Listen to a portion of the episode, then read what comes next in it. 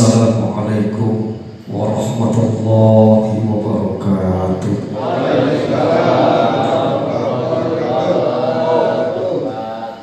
Alhamdulillahi rabbil alamin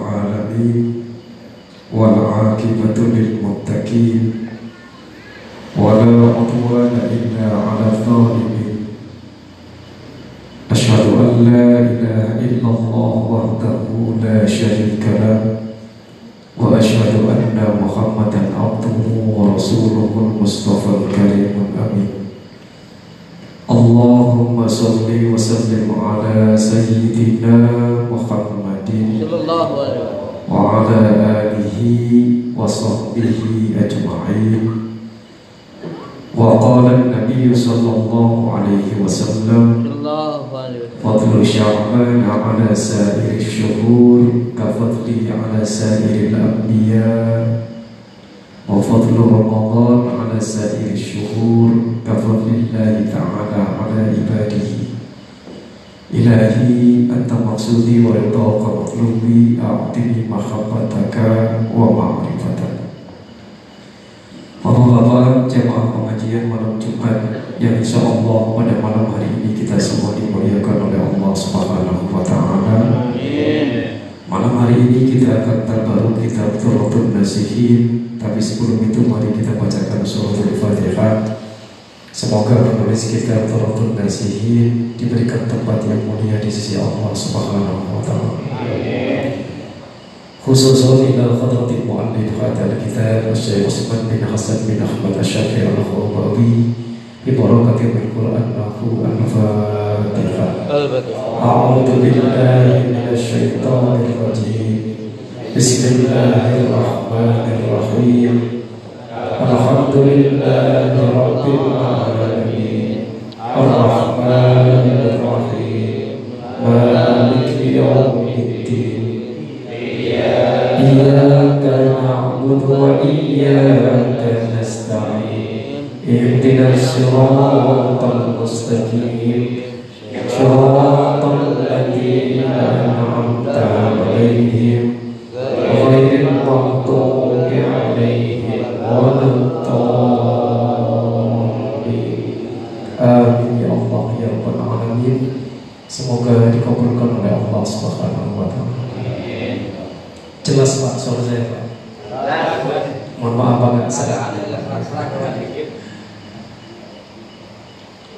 Bismillahirrahmanirrahim.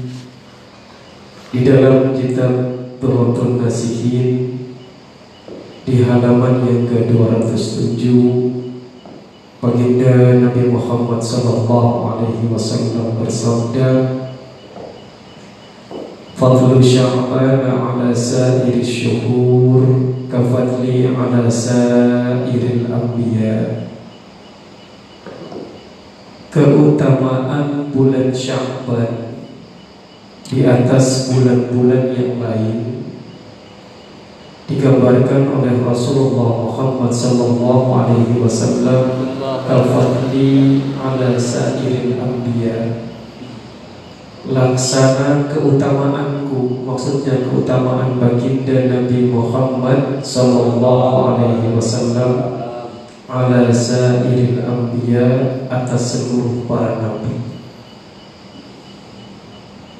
keutamaan bulan Sya'ban itu sama dengan keutamaannya baginda Nabi terhadap nabi-nabi Allah yang lain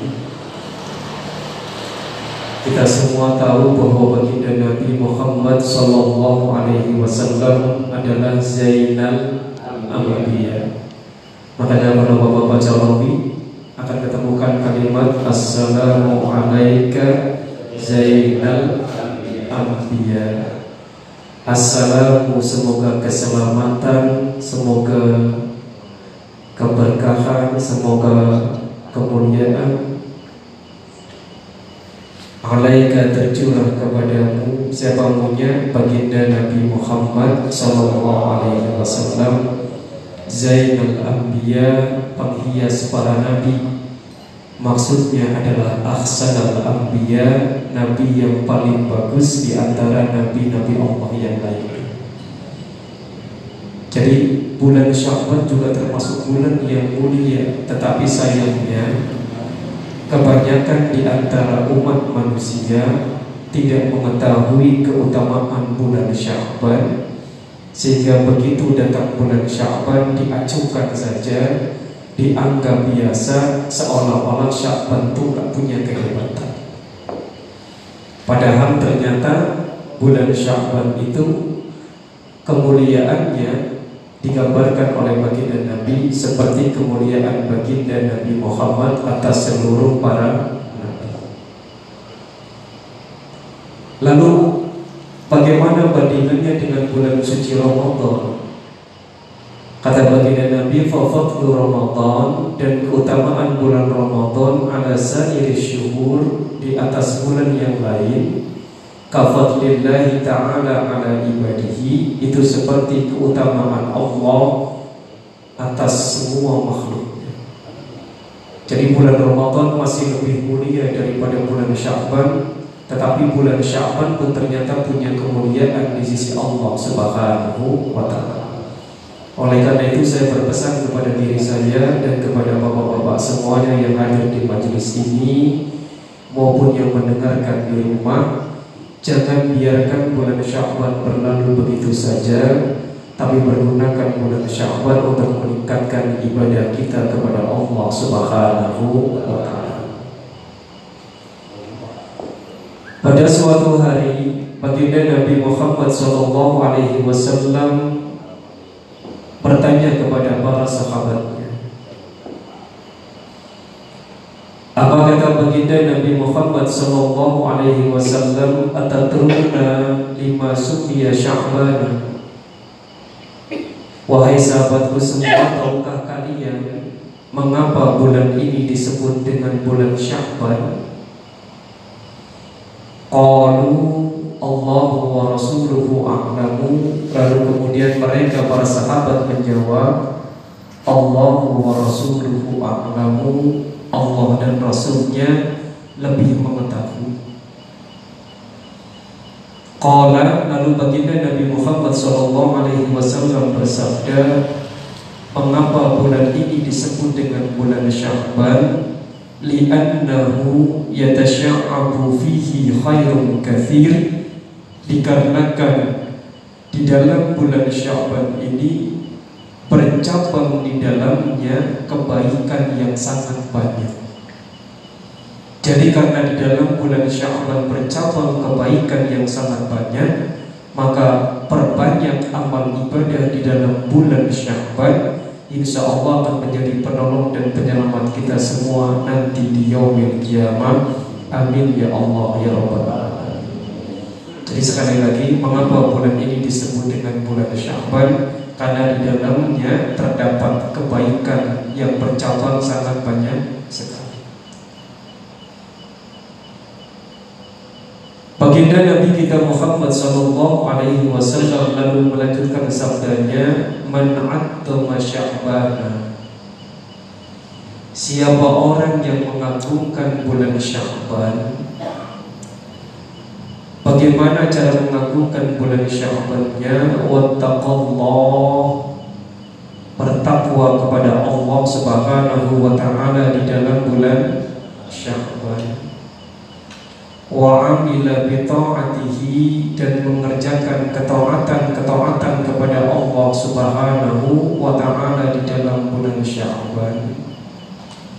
Wa amsaka nafsahu 'anil maksiyah dan menjaga mencegah dirinya sehingga tidak melakukan perbuatan maksiat.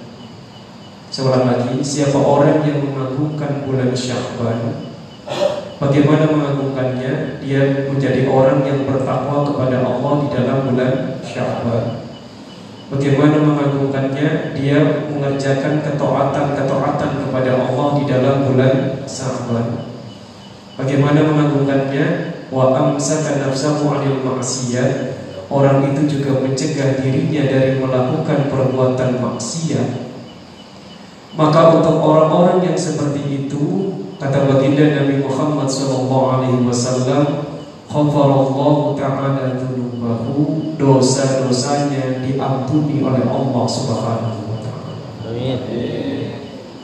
Mudah-mudahan kita pun menjadi orang-orang yang bertakwa kepada Allah di dalam bulan Syawal. Mudah-mudahan kita juga menjadi orang yang banyak mengerjakan ketaatan kepada Allah di dalam bulan Syawal. Mudah-mudahan kita juga mampu mencegah diri kita sehingga tidak melakukan perbuatan maksiat di dalam bulan Sa'ban agar dosa-dosa kita semuanya diampuni oleh Allah Subhanahu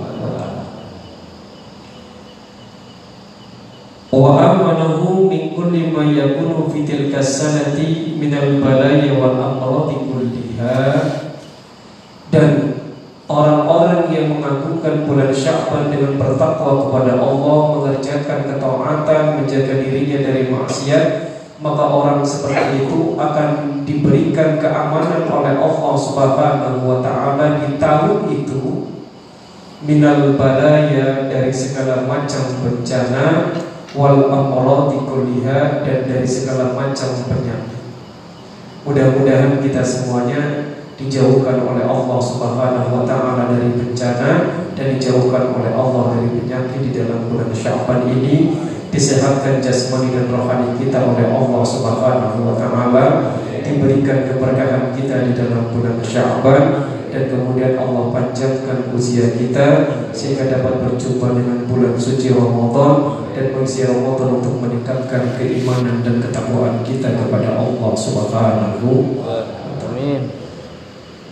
Itu kata baginda Nabi Muhammad Sallallahu Alaihi Wasallam. Karenanya Pak, mumpung masih tanggal 8 bulan Syaban, masih ada banyak waktu pergunakan dengan sebaik-baiknya Syaban ini untuk menjadi orang yang semakin banyak beramal soleh di dalam bulan Syawal. Mudah-mudahan Allah berikan kekuatan kepada kita semua. Hadirin kaum muslimin, jemaah pengajian malam Jumat yang dirahmati oleh Allah Subhanahu wa taala. Masih dijelaskan di dalam kitab yang sama. Di halaman yang ke-207 di malam bulan Syawal di malam Sya'ban, di bulan Sya'ban itu ada suatu malam yang sangat mulia. Dan malam yang sangat mulia itu terjadi di pertengahan bulan Sya'ban yang biasa kita sebut dengan namanya malam nisfu Sya'ban. Nisfu artinya setengah Sya'ban bulan Sya'ban. Jadi maksudnya berarti malam tanggal 15 bulan Syawal. Insya Allah jatuhnya malam Jumat yang akan datang. Jadi pas kita penutupan pengajian, pas kita di malam Nisfu Syawal. Mengutip sebuah hadis dari Abu Hurairah. An Abi Hurairah radhiyallahu ta'ala anhu annahu qala dari Abu Hurairah semoga Allah Subhanahu wa taala meridhai kepadanya. Beliau berkata, Qala alaihi salatu wassalam telah bersabda baginda Nabi Muhammad sallallahu alaihi wasallam. Jibril lailatan nisfi min Syawal. Telah datang kepadaku kata baginda Nabi malaikat Jibril lailatan nisfi min Syawal pada malam pertengahan bulan Syawal. Waqala dan malaikat Jibril berkata, Ya Muhammad, wahai Muhammad, Hadihi laylatun tuftahu fiha abwabus sama. Malam ini adalah malam dibuka pintu-pintu langit. Jadi malam nisfu Sya'ban, pintu langit dari pintu langit pertama sampai dengan pintu langit yang ketujuh dibuka oleh Allah Subhanahu wa taala. Selain di malam itu pintu langit ditutup. Kayak malam ini pintu langit ditutup. Di bulan Rajab pun pintu langit ditutup. Mana buktinya kalau di dalam bulan Rajab pintu langit ditutup? Baginda Nabi ketika dimi'rajkan oleh Allah mau masuk ke langit pertama ditanya dulu sama penjaga pintu langit yang pertama. Padahal malaikat Jibril pun biasa bolak-balik, tetapi masih ditanya juga sama penjaga pintu langit. Kamu siapa? Jibril Dengan siapa? Muhammad Muhammad yang mana? Rasulullah Memang ada perlu apa? Dipanggil oleh Allah. Baru kemudian dibuka. Jadi di malam-malam selain malam nisfu Sya'ban, penjagaan pintu langit itu ketatnya luar biasa. Makanya kalau ada manusia mengatakan bolak-balik langit pertama sampai ketujuh bohong. Baginda Nabi aja masih ditanya. Yang aksa dalam ambia masih ditanya. Nah ini bukan Nabi bukan apa bilangnya jalan-jalan di langit pertama sampai ketujuh sekarangnya sendiri. Gak bisa. Kecuali di malam nisfu Sya'ban dibuka nih pintu langit oleh Allah Subhanahu wa taala. Hadhihi lailatun tuftahu fiha abwabus sama. Malam ini adalah malam dibuka pintu-pintu langit. Dan malaikat penjaganya sujud kepada Allah Subhanahu wa taala. Apa yang dimohonkan oleh malaikat ampunan untuk umat Nabi Muhammad Beruntung kita umat Nabi Muhammad Tapi umat Nabi Muhammad yang dimintakan ampunan di malam nisfu Sya'ban Bukan yang minta ampun kepada Allah Tapi masih ada yang melakukan perbuatan dosa dan maksiat. Adanya saya menyampaikan pada kesempatan malam hari ini Besok di malam nisfu Sya'ban Banyakin dikir kepada Allah Subhanahu wa ta'ala atau banyakin solawat kepada baginda Nabi Muhammad Sallallahu atau banyakin baca Al-Quran. Atau banyakin sholat terserah bapak. Mau pakai sholatnya terserah silakan. Ya kan? Mau pakai baca Qurannya silakan. Mau pakai zikirnya silakan. Mau pakai sholawatnya silakan. Mau banyak mohon ampun di malam itu kepada Allah silakan. Yang penting jangan dibiarkan berlalu begitu saja mohon ampun kepada Allah Subhanahu wa taala. Perbanyak amal ibadah karena semua ibadah akan langsung dilaporkan menghadap Allah Subhanahu. Jadi malam itu dibuka pintu-pintu langit. Wa di malam itu juga dibuka pintu-pintu rahmah. Lalu malaikat Jibril berkata kepada baginda Nabi Muhammad wasallam, "Faqum kalau bahasa kitanya bangunlah. Jangan tidur. Wasolli dan sholatlah. Warfa' ra'saka wa yadaika ila samai lalu angkat kepalamu dan angkat kedua tanganmu ke langit. Fakultu ya Jibril. Lalu aku bertanya Baginda Nabi Muhammad Sallallahu Alaihi Wasallam bertanya Ya Jibril Wahai Malaikat Jibril Mahadifin layla Emang ini malam apa? Faqala Malaikat Jibril kemudian menjawab Hadihi laylatun yaftahu fiha salasu mi'ati babi minar rahmah. Malam ini adalah malam di dalamnya Allah buka 300 pintu rahmat Berapa ratus pak? Tiga ratus pintu rahmat. Fayaghfirullah ta'ala li jami'i dan Allah akan mengampuni kepada semua hambanya. Jadi hamba yang mohon ampun kepada Allah di malam itu pasti akan diampuni oleh Allah Subhanahu wa taala. Man la yusyriku billahi syai'an selama hambaku itu tidak bersekutukan Allah Subhanahu wa ta'ala dengan sesuatu pun. Illa terkecuali ya ternyata nih masih ada pengecualian. Ada hamba yang tidak diampuni di malam nisfu Sya'ban Siapa mereka yang tidak diampuni di malam nisfu Sya'ban illa man kana sakhiran. Yang pertama adalah para tukang sihir tapi di zaman sekarang nggak ada kali teman sihir ya. Tidak akan diampuni oleh Allah Subhanahu wa taala di malam nisfu Sya'ban. Au kahinan atau dukun yang minta tolong bukan kepada Allah Subhanahu wa taala tapi yang minta tolong kepada selain Allah. Juga tidak akan diampuni di malam nisfu Sya'ban. Au musyahinan atau orang yang bermusuh-musuhan dengan saudara. Jadi kalau bapak punya ribut dengan saudara, saudara minta maaf sebelum datang malam ismu syakir. Awud minakhamrin atau orang yang meminum minuman keras. tidak diampuni dosanya oleh Allah Subhanahu wa taala. Musirra ala zina atau orang yang terus-menerus melakukan perbuatan zina juga nggak diampuni oleh Allah. Au akilar riba atau orang yang memakan harta riba. Au aqal walidain atau orang yang durhaka kepada kedua orang tua. Au namam atau orang yang suka mengadu domba sesama umat manusia.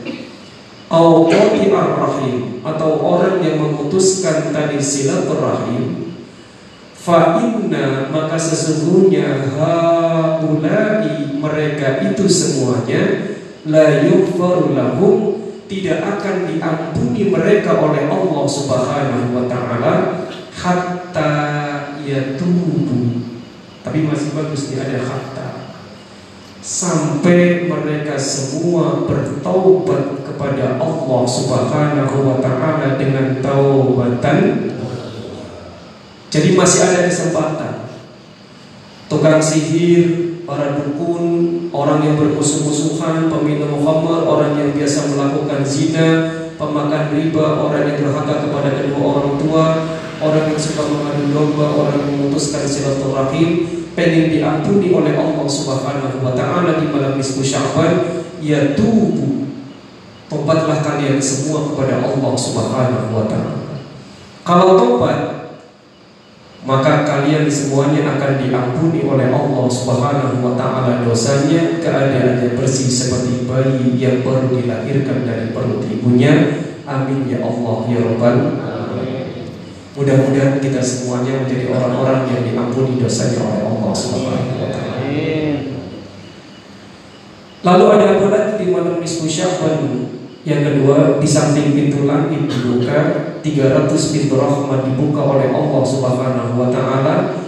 Allah mengampuni semua dosa-dosa hambanya di malam nisfu Sya'ban yarfa'ullahu a'malul ibadi kullaha Allah mengangkat semua amal hambanya di malam nisfu Sya'ban ganti buku makanya minta kepada Allah mudah-mudahan ketika kita ganti bukunya kita sedang melakukan kebaikan-kebaikan kepada Allah Subhanahu wa taala. Itu makanya orang-orang tua dulu kita mengajarkan kepada kita di malam nisfu Sya'ban biasanya banyak membaca Al-Qur'anul Karim. Papa pengen tahu fadilahnya biar di catatan akhir buku kita yang dilaporkan kepada Allah kita semua sedang melakukan kebaikan, kebaikan, kebaikan. Tapi kita nggak ngerti sayangnya. Nah malam hari ini saya jelaskan karena di malam itu dilaporkan dan catat laporan catatan tahunan kita kepada Allah Subhanahu wa taala dan kita akan ganti buku baru. Mudah-mudahan di catatan laporan akhir tahunan buku kita semua berisi tentang kebaikan yang kita lakukan. Pesan saya, Bapak terserah mau pilih yang mana.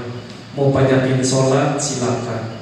Memang bisa banyakin sholat Ustaz bisa. Ada sholat yang gak ada batasannya. Namanya sholat sunnah mutlak. Apa namanya? Bebas Bapak mau berapapun mau seratus, mau seribu, kalau mau telat mah gak ada batasannya. Selagi bapak kuat, lakukan sholat.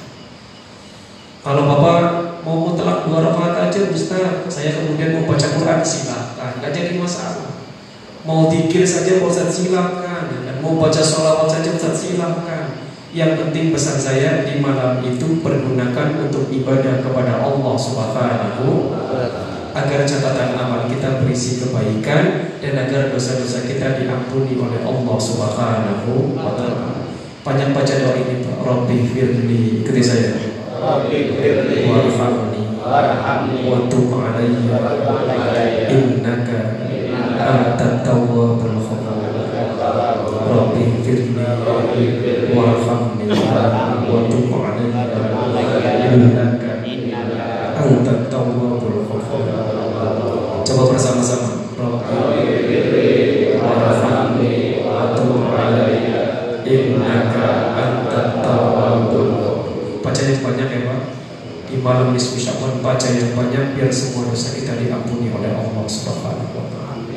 Baik sampai sini ada yang mau bertanya silakan Yang belum apa ya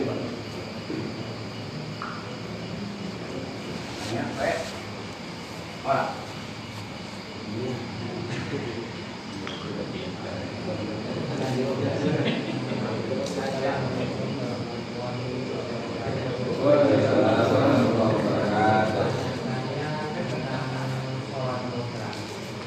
satu itu niatnya dari mana dan waktunya yang tepat apa setelah sholat subuh juga masih bisa atau sholat asar juga masih bisa Oh, dulu puasa, ada barang, ada puasa, ada ada puasa, kan ada barang. Ya, dulu kan itu agak hari itu juga puasa, barang-barang juga ada. Sekarang kan beda. puasa aja ayam bolbid aja ayam Bismillahirrahmanirrahim Ini ada pertanyaan Bagaimana niatnya sholat mutlak Ikuti saya Usolli Sunnatan mutlak Rokataini Lillahi ta'ala Lagi Sunnatan mutlak Rokataini Lillahi ta'ala Coba ngomong ini Usolli sunnatal mutlaq raka'ataini lillahi ta'ala Iya. Apa itu sholat sunnah mutlak? Sholat sunnah mutlak itu sholat sunnah yang dilakukan tanpa terikat oleh waktu. Jadi bebas mau pagi, mau siang, mau malam boleh. Yang penting satu jangan setelah sholat asar. Yang kedua, jangan setelah sholat subuh. Papa mau habis sholat maghrib mutlak boleh, habis sholat isya mutlak boleh, malam mutlak boleh. Kemudian habis sholat duha boleh. Yang penting jangan habis sholat asar sama habis sholat. Jumlahnya bebas. Jumlahnya bebas. Jadi rokaatnya nggak ada batas.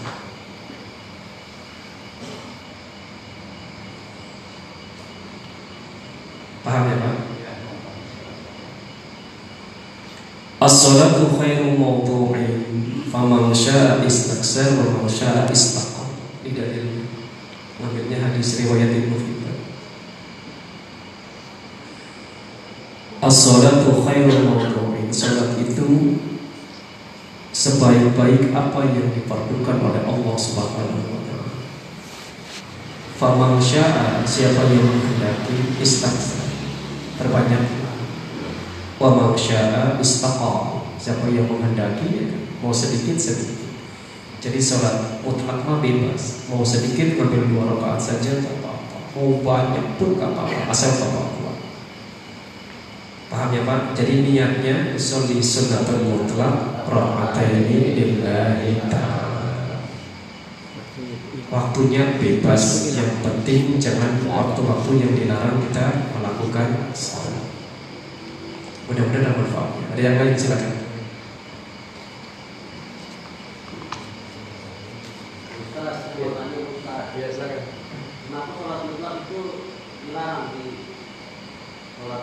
Subuh setelah masuk masuk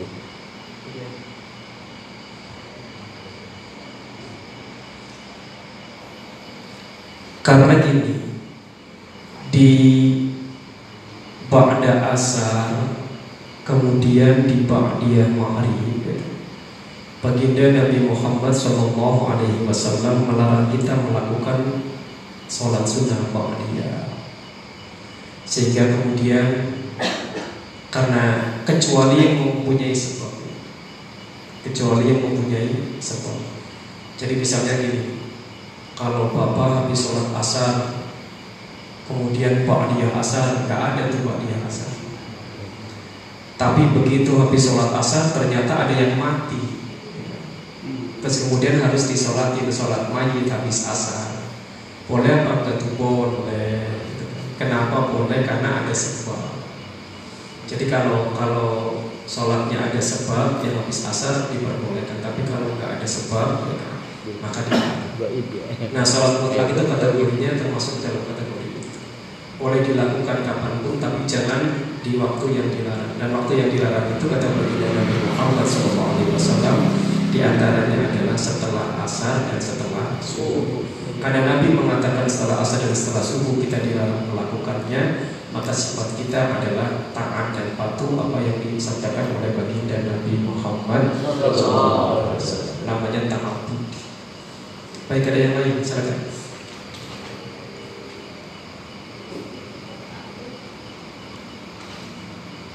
Saya Pak. Assalamualaikum warahmatullahi wabarakatuh. Pada zaman dahulu sebelum sholat mutlak itu ada sholat sunatan minal witri. Terus setelah itu harus puasa. Kalau sekarang ada apa enggak Pak puasanya? Puasa yang tiga hari itu dalam pertengahan bulan Syaban. Puasa Saban itu. Oh.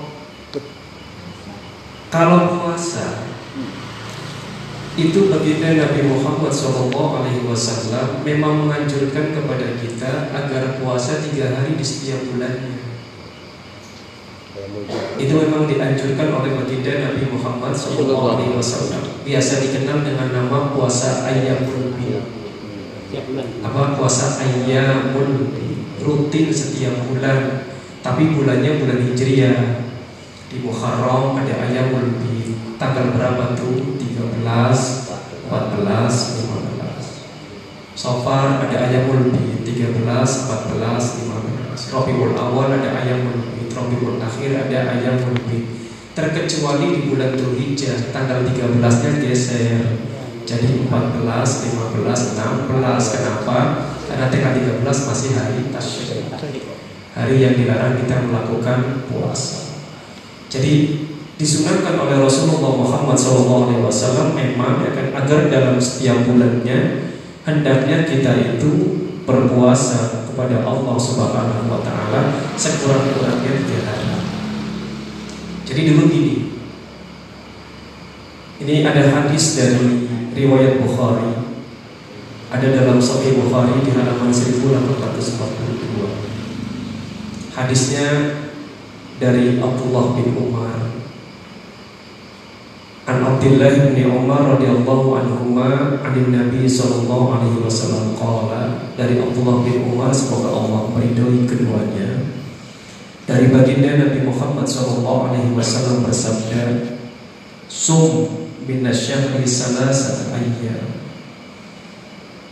Abdullah bin Umar kalau bahasa kita puasalah kamu setiap bulan tiga hari Faqala kata Ibnu Umar utiku aktor min dalika.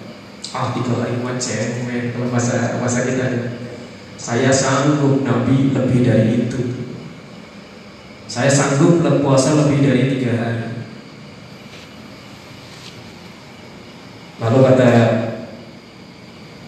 kata baginda Nabi Muhammad Shallallahu Alaihi Wasallam, kalau kamu sanggup, famazala hatta qala sum yawman wa aftir yawman. Kalau gitu puasalah kamu sehari sehari lagi berbuka. Jadi ada puasa Daud.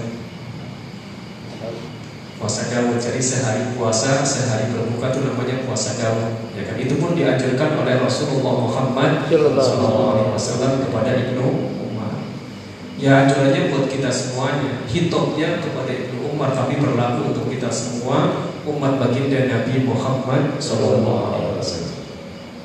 Jadi ada puasa tiga hari. Sekurang-kurangnya ya Pak. Kalau Bapak mau ada puasa ayam lebih.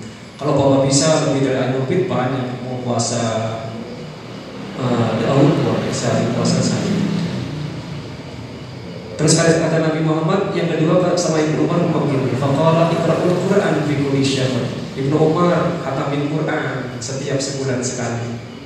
Jadi hatam Quran sebulan sekali itu anjuran Nabi Muhammad kepada Ibnu Umar. Kata Ibnu Umar, ini utiku afthara. Aku sanggup, ya kan? Jangankan cuma sebulan, sanggup saya, ya kan? Lebih dari sekali pun aku sanggup. Famazala hatta qala fi salasa. Kalau begitu hatamkan Quran ya, tiga hari sekali. Jadi tiga hari sekali pun sunnah Rasulullah dalam menghatamkan Al-Quranul Karim. Makanya sering nanya sama bapak, bapak tiga hari sekali hatam Quran apa enggak? Enggak. Sebulan sekali hatam Quran? Enggak. sekali. Jarang-jarang. Kebanyakan. Iya kan? Lebih anget dari bulan puasa karena enggak ada. Jadi ngomong-ngomong tiga hari sebulan itu bukan gak ada rujukan, ada rujukannya. Anjuran baginda Nabi Muhammad kepada Ibnu Umar. Puasa pun begitu. Jadi ada puasa sunnah. Saya pesan sama bapak jangan terjebak dengan definisi sunnah. Sunnah dalam hukum Islam memang definisinya dikerjakan mendapat pahala, tidak dikerjakan tidak alas. Tetapi yang harus bapak ketahui fungsi ibadah sunnah itu di antaranya adalah sebagai penambal ibadah wajib kita yang banyak kurangnya. Bapak kira-kira ibadah wajibnya sempurna apa banyak kurang? Bapak kalau sholat ingat ke mana-mana? Makanya lakukan ibadah sunnah buat nambal kurang-kurang. Bapak kalau lagi puasa Ramadan itu fokus khusus puasanya apa? Kalau lagi puasa Ramadan masih suka ngomongin orang, nah, berarti banyak Ramadan. Ya kan? Karena banyak bolongnya udah banyakin puasa sunnah buat menambal kekurangan dalam ibadah puasa wajib yang kita lakukan. Mudah-mudahan ibadah kita menjadi sempurna nanti di sisi Allah Subhanahu Paham ya Pak? Baik ada yang lain silakan. Kalau sholat fardu mas pak, uh, usulinya pakai adaan gitu ya. Kalau sunnah kan enggak. Apa maknanya adaan pak? Itu aja pak. Ada. Adaan itu artinya tunai. Artinya apa? Berarti kalau Bapak mengatakan usolli fardhu dhuhri arba'a rakaati mustaqbilan kiblati adaan lillahi ta'ala berarti melakukan sholat zuhurnya di waktu zuhur. Tapi kalau Bapak melakukan sholat zuhurnya di waktu asar jangan pakai adaan, misalnya ketiduran. Bapak tidur dari jam 11 Saking capeknya. Wablas, gak ada yang bangunin. Gak dengar suara adzan ya kan?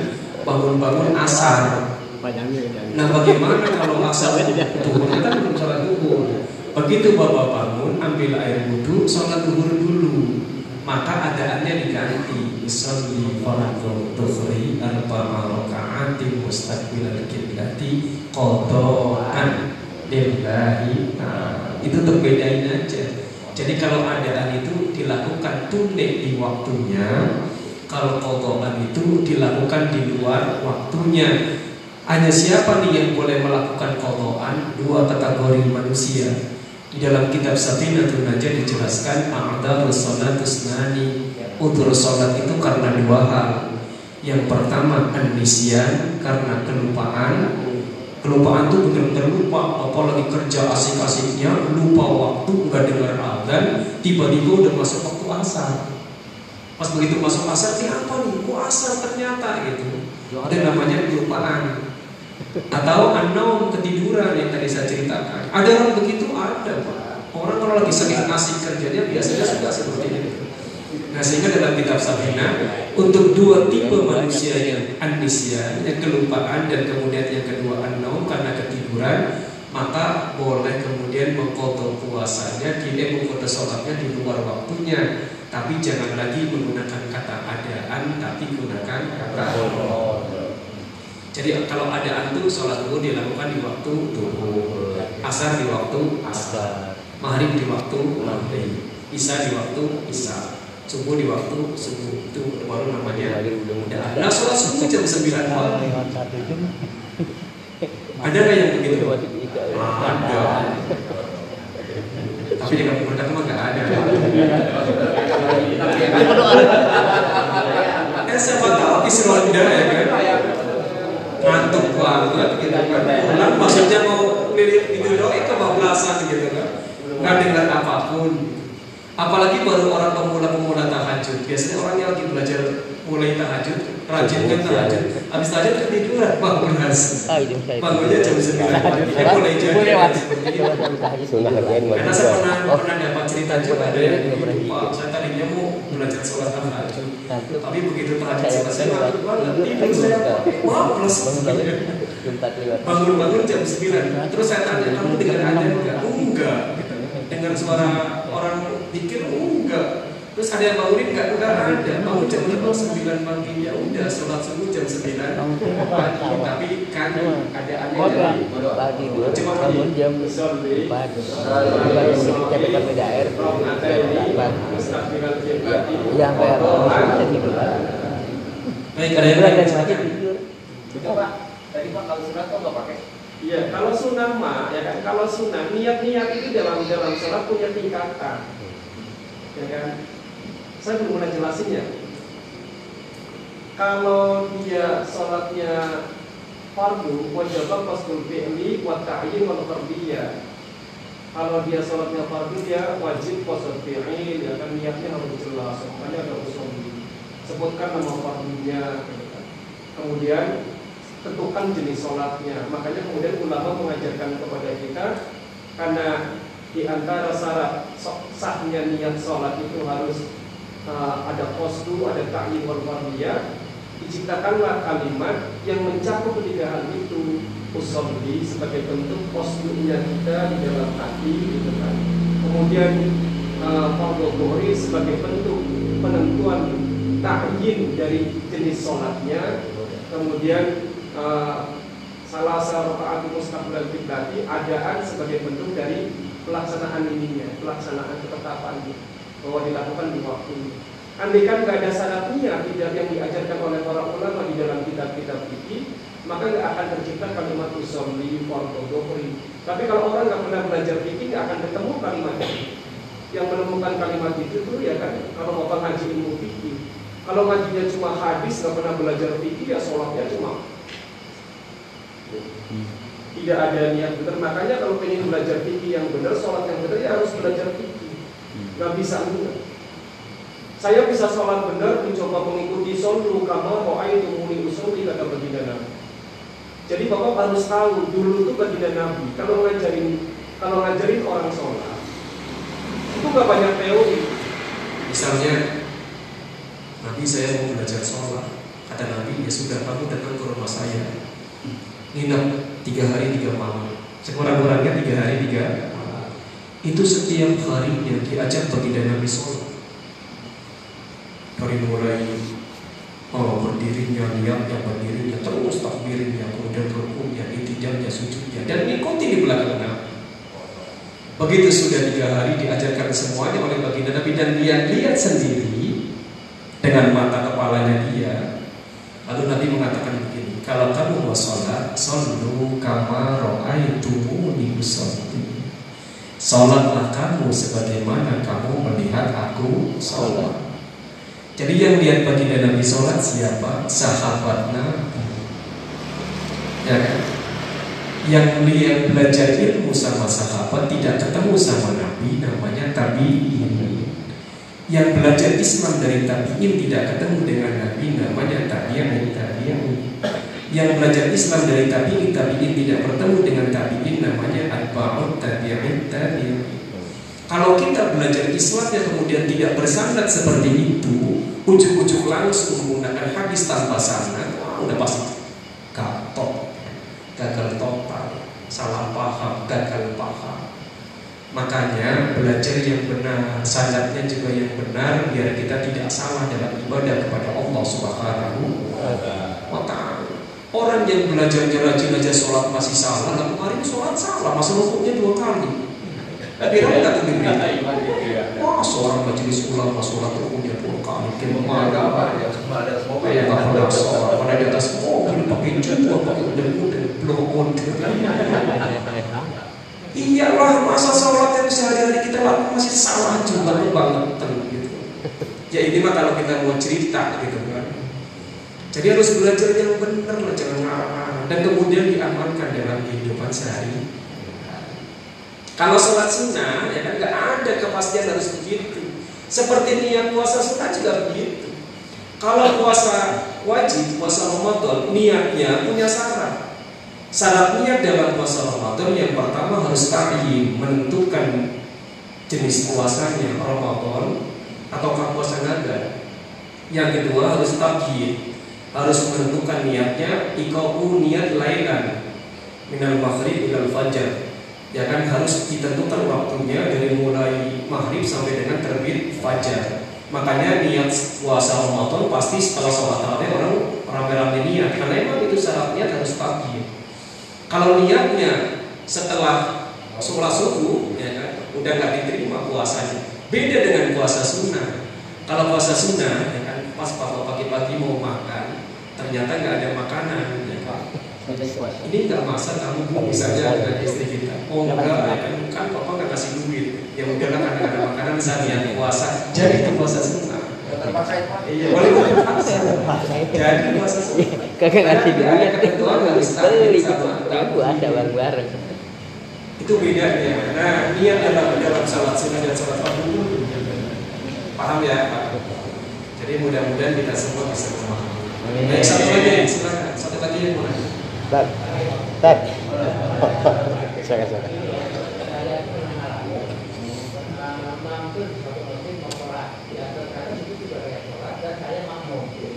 saya ternyata yang kita gimana.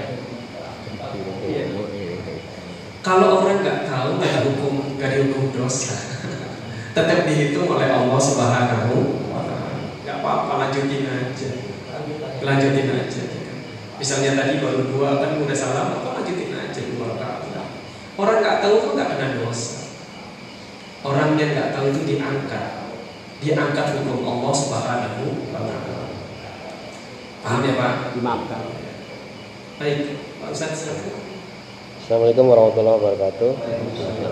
Eh, pertanyaan yang pertama, mohon diingatkan kembali pengertian Syakban secara bahasa itu apa. Yang kedua, biasanya pada malam nisfu Syakban itu setelah sholat mutlak kita baca Yasin tiga kali. Nah itu ada beberapa padilahnya. Mohon dijelaskan berserta rujukannya. Syahwan itu artinya bercabang kebaikan banyak. Artinya ya secara bahasa.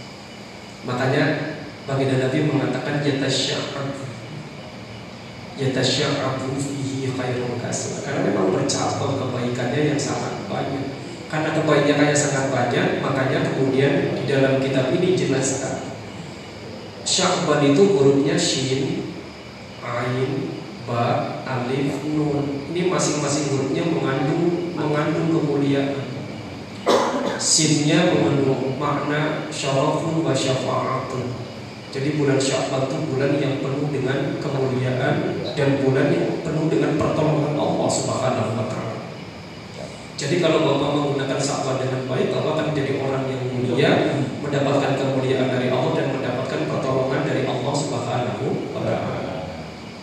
Kemudian ainnya Isun Bulan Syawal juga bulan yang penuh dengan kehebatan Penuh dengan keperkasaan Makanya orang-orang yang melakukan ibadah di dalam bulan Syawal Insya Allah dia akan menjadi orang yang hebat nanti di Yomil Qiyamah Banyak mengandung makna birrun. Birrun itu artinya kebaikan. Karena di dalamnya Allah berikan kebaikan yang sangat banyak. Bercabang banyak banget di dalamnya Alifnya mengandung makna ulfatun Bulan Syawal itu bulan penuh kasih sayang. Nanti orang-orang yang melakukan ibadah di dalam bulan Syawal akan menjadi orang yang disayangi oleh Allah Subhanahu wa taala. Dan dunia mengandung makna artinya cahaya. Orang yang ibadah di dalam bulan Syawal, kuburnya akan dipenuhi cahaya oleh Allah Subhanahu wa taala. Tidak akan mengalami kegelapan di dalam kubur dan tidak akan mengalami kegelapan di yaumil qiyamah. Makanya disebut dengan Sya'ban karena bercabang kebaikan di dalamnya, kebaikan yang sangat banyak sekali dari Allah Subhanahu wa taala. Kemudian mengapa baca Yasin? Sebetulnya nggak mesti harus Yasin. Bebas mau surat apa pun. Tapi mengapa ulama milihnya Yasin? Karena suratul Yasin qalbul Quran. Surat Yasin itu jantung Quran. Makanya kemudian yang dipilih Yasin. Apalagi misalnya yasinnya dibaca di malam Jumat, maka besok paginya semua dosa kita diampuni oleh Allah Subhanahu wa taala. Terus fadilahnya apa? Fadilahnya seperti fadilah membaca Al-Qur'an yang pertama.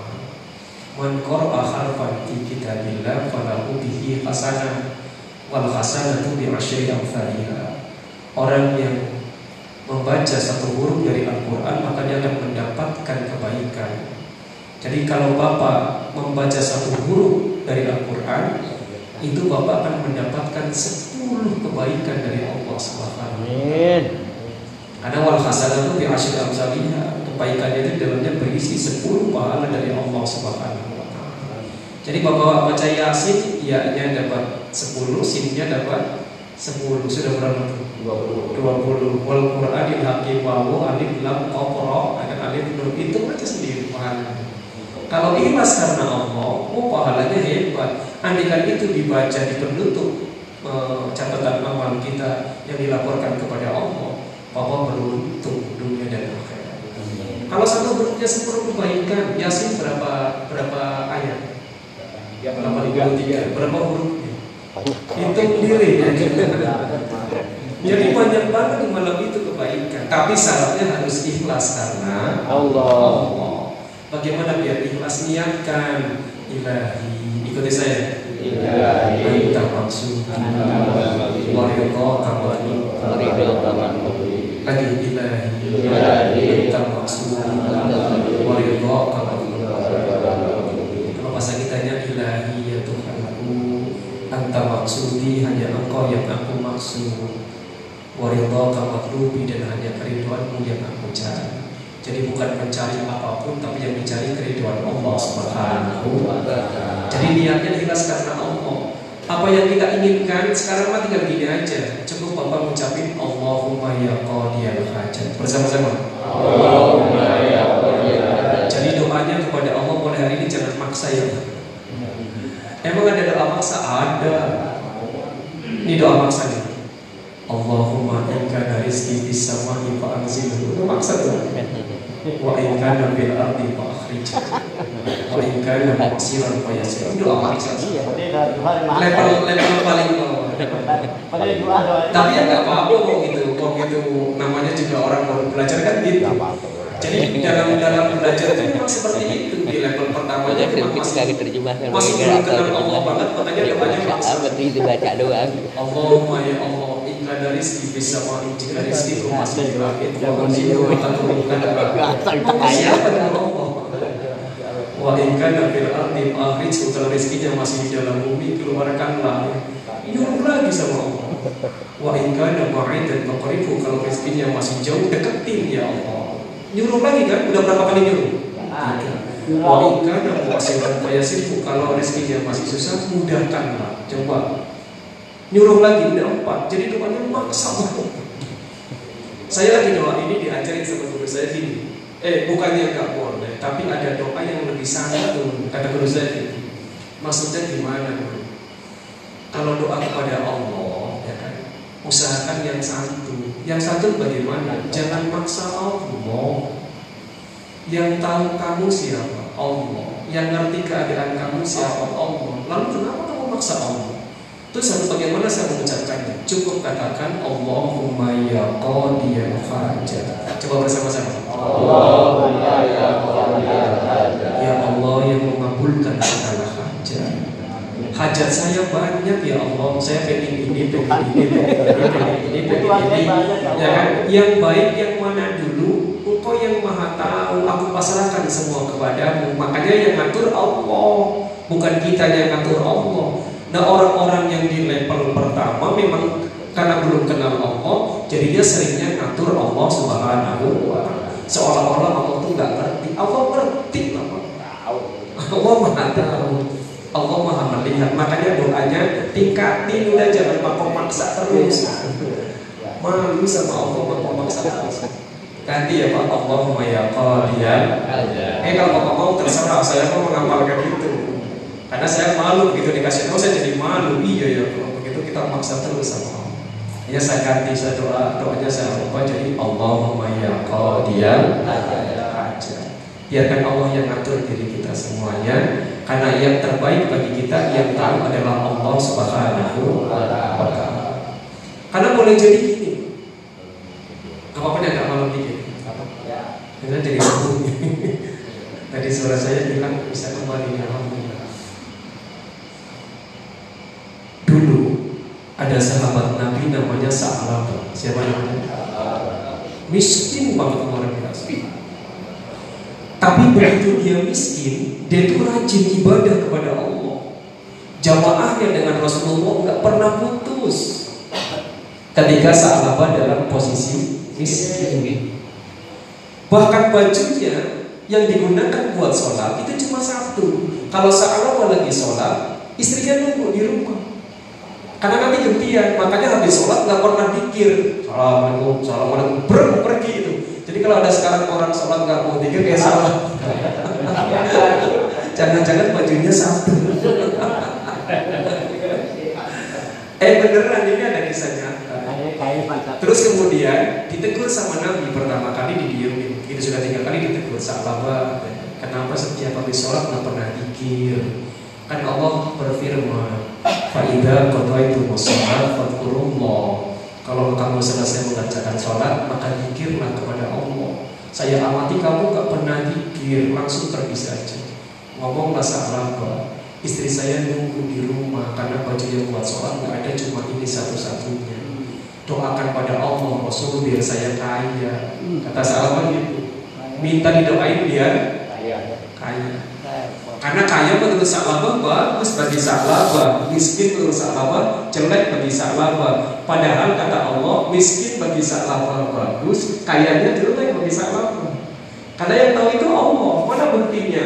Pertama Rasul nggak mau doain, tapi akhirnya karena maksa terus didoainlah sama Rasul, dikasih modal sama Rasul dua ekor kambing, tadinya cuma dua ekor, beranak pinak banyak sampai akhirnya sahabat tidak pernah lagi jamaah sholat dengan Rasulullah Muhammad SAW. Iya, padahal dulunya lagi miskin selalu jamaah dengan Rasulullah. Akhirnya singkat bisa begitu disuruh oleh begitu disuruh untuk berzakat, sahabat nggak mau. Enak aja, saya udah capek-capek ngurus bisnis saya. Bahasanya kan gitu bahasa kerennya. Padahal angon kambing gitu. Bisnisnya pakai kambingnya hebat pernah pinang banyak. Masa disuruh zakat? Kedengaranlah sama sahabat Rasulullah disampaikan kepada Rasulullah. Lalu Rasulullah berkata celaka sahabat.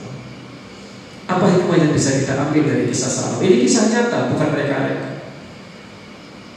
Miskin, jelek menurut kita, boleh jadi bagus menurut Allah. Kaya, bagus menurut kita, boleh jadi jelek menurut Allah. Makanya bagaimana caranya? Sudah dinikmati saja pemberian Allah Subhanahu wa taala dinikmati, disyukuri dan dekatkan diri kita kepada Allah Subhanahu wa taala.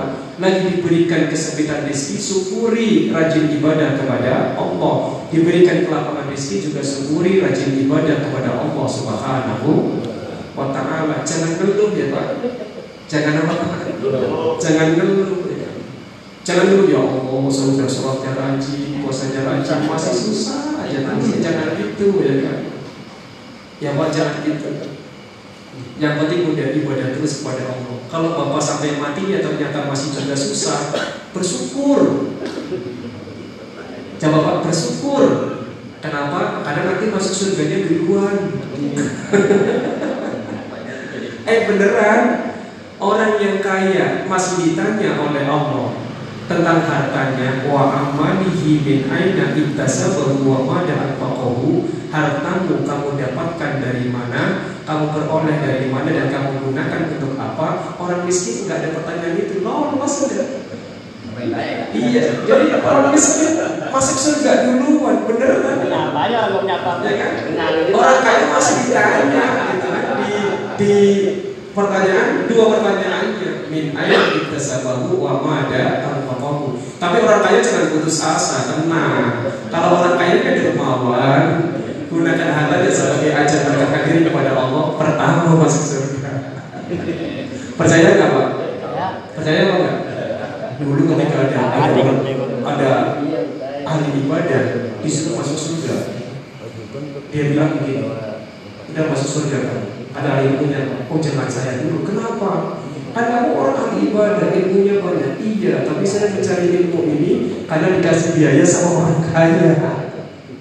Akhirnya orang kaya surga dulu orang kalau hartanya digunakan untuk ibadah kepada Allah Subhanahu wa taala. Jadi orang kaya juga jangan putus asa